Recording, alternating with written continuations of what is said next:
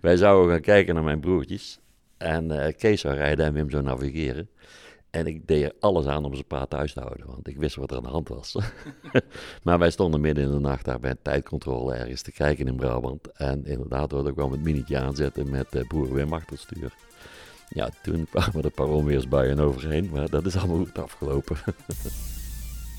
maar uiteindelijk, ik werd 18 en uh, ja, je gaat weer rijbewijs op, maar dat lukt allemaal niet in één keer. Ik ben drie keer gezakt. ja, maar ik ben de rallycrosskrant meer ingedoken omdat dat weekendwerk was en nog te combineren was. Wim en Kees waren vaak weg, Rally, Monte Carlo Rally, uh, Safari. Die kon ooit een week van huis zijn om notes te maken.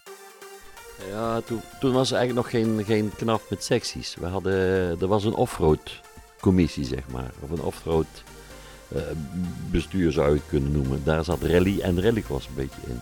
23 november 2016. Toen was er een uh, algemene ledenvergadering van uh, de sectie rallies. En toen was er ja, de verkiezing onder andere van, van voorzitter. En, en ben je voorzitter geworden. Dat was nou niet echt de beste periode om voorzitter te worden in 2016. Nee, maar zo is het ook gekomen, om het zo te zeggen. Het bolderde een beetje alle kanten op en het was nog net geen vechten, zeg maar. En ik werd van tevoren ook goed gewaarschuwd van, uh, ja, je steekt uh, je neus in een wespennest waar je voorlopig niet uitkomt. Oké, okay, een, een, een, nieuwe rally erbij? Nou, we hebben sowieso, is er al een nieuwe rally bij op de kalender.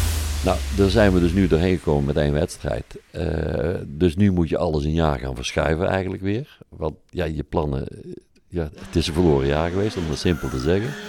Dus we gaan nu wel in het, in het voorjaar nu gelijk mee zo snel mogelijk al onze plannen uitvoeren. Een nieuwe landschap gaat in ieder geval in 2023 van start. Dat kan al mee geregeld In de zesde editie van de NL Rally Sport podcast de gast Bart Luibrechts. Voorzitter KNAF bestuur sectie rallies.